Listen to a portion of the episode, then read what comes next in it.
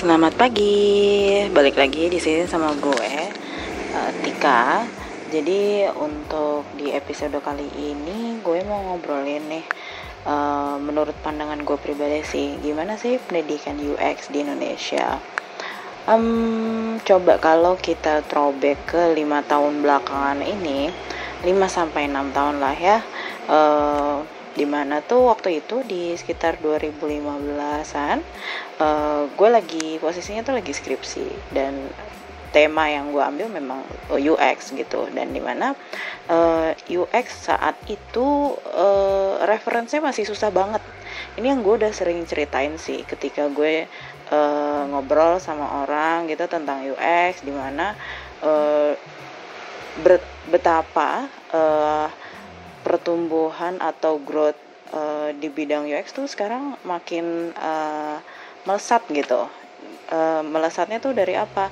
Dari sisi uh, reference, dari sisi apa lagi ya? Banyak hal-hal yang bisa dicari di uh, media apa pun itu gitu. Kalau dulu ya, mungkin walaupun cuma beda 5 sampai 6 tahun aja, uh, gue cukup kesulitan untuk nyari sumber buku yang bisa gue baca. Uh, karena gini uh, gue memang menemukan ada eh, buku-buku tentang UX gitu.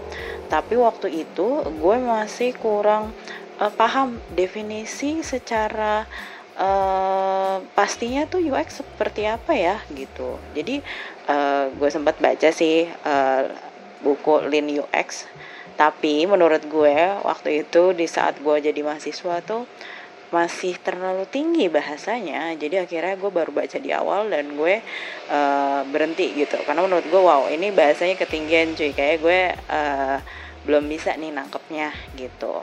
Nah gue jadi akhirnya gue coba cari lagi cari-cari uh, apa uh, buku UX yang setidaknya bisa buat orang yang paling awam banget apalagi waktu itu ya gue masih mahasiswa gitu.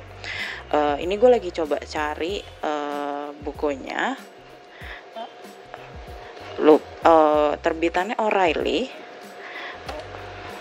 Tapi gue lupa uh, siapa yang nulis. Nah ini kalau nggak salah uh, Ah, oke. Okay. Jadi ada gambar bebeknya gitu. Judulnya UX for uh, beginners, a crash course in 100 short lessons. Jadi by Joel Mars. Jadi uh, apa? Jadi gue dapet ini buku, ebook, terus akhirnya gue print dan gue pelajarin satu persatu isi uh, babnya gitu dan gue catat ulang.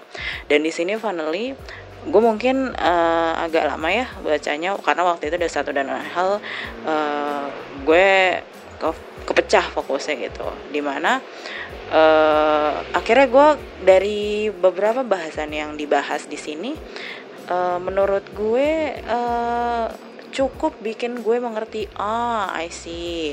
Oh ini artinya UX ya gitu. Karena benar-benar yang dibahas itu uh, UX secara orang awam gitu Nah, balik lagi ini ini ini based on uh, apa uh, based on apa yang gue ini ya, apa yang gue lakuin ya.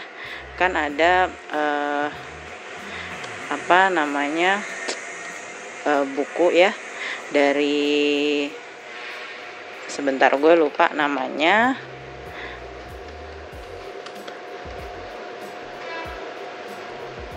Oh oke, okay.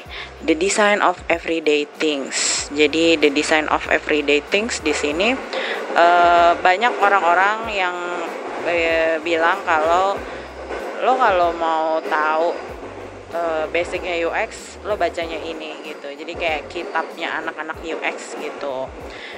Nah uh, itu kalau dari sisi buku. Uh, kita lihat lagi kalau misalkan sekarang banyak account-account atau di media sosial uh, terutama IG ya Instagram salah satu platform yang uh, paling banyak digunakan apalagi di uh, sini.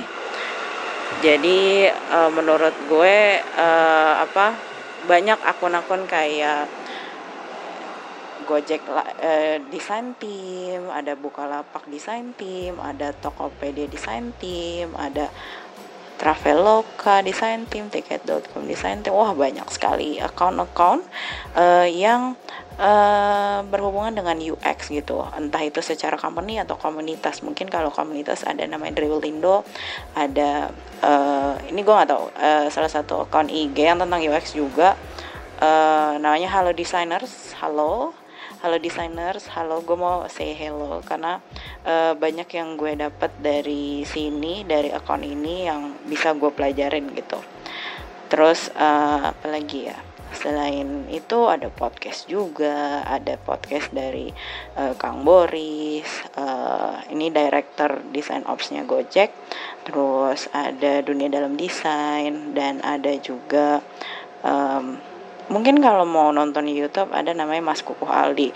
Nah, yang gue sebutin tadi itu sebenarnya yang uh, sering banget gue uh, infoin ke uh, apa ya mungkin webinar-webinar yang di mana speakernya gue gitu. Jadi kalau mau belajar uh, jangan ngerasa apa ya berat kalau karena source-nya susah. Source UX tuh sekarang udah banyak banget banget banget sih. Jadi gampang untuk kalian yang mau belajar UX sumbernya udah banyak.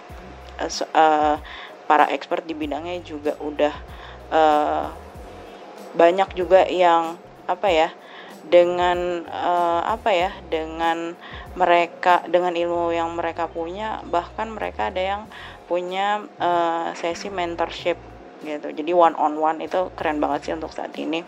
Uh, gue berharap ke depannya gue mungkin bisa kayak begitu juga ya amin. Jadi yang gue tahu nih uh, yang ngebuka mentorship one on one itu ada UX Lucky. Kak Lucky di sini di sini uh, beliau uh, UX uh, expert. Uh, tapi nggak di Indonesia kalau nggak salah di Jerman kalau nggak salah ya.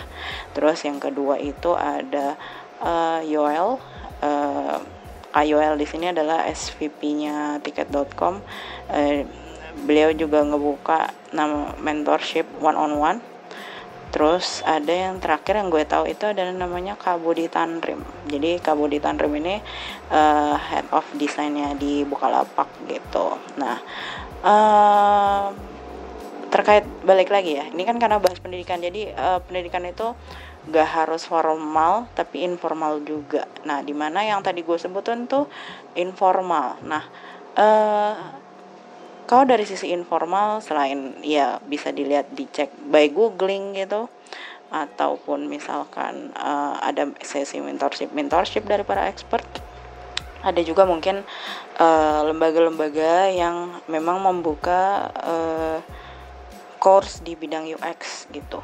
Jadi yang paling terkenal banget sih mungkin bisa ke Purwadika. Terus ada yang gue tahu uh, Somia CX tapi Somia CX nih uh, gue kurang tahu ya. Maksudnya uh, dia nggak buka secara rutin setahu gue ya. Kar karena gue lihat dari websitenya sih. Tapi mungkin teman-teman sekalian yang penasaran boleh dicek websitenya. Maybe dia lagi uh, buka untuk uh, course baru terus ada yang namanya hmm, UX aduh, aduh lupa. Sorry sorry banget lupa. Tapi banyak banget sekarang course-course yang uh, berasal dari uh, bukan course-course besar aja tapi course-course kecil uh, kecil di sini maksudnya mungkin uh, apa ya namanya uh, lingkupnya baru di sosial media kayak ngadain apa bootcamp kayak gitu. Jadi itu menarik banget. Di mana sekarang awareness orang untuk mau ke UX tuh udah besar. Dilihat dari uh, sekarang nih apa yang banyak orang lakuin untuk UX terus uh, kalau kita lihat ya kalau kita lihat secara informal nih jadi yang gue bahas dari tadi itu kan informal informal uh, kalau misalkan formalnya tuh apa? Nah ini dia yang uh, mungkin belum ada saat ini. Mungkin ya se uh, selama proses recording ini setahu gue di Indonesia belum ada uh, pendidikan formal terkait UX UX itu kan uh, terkaitnya sama human computer interaction. Nah, di mana nih belum ada uh, apa ya degree atau uh, tingkat di pendidikan itu yang fokusnya ke UX gitu. Jadi uh, apa namanya?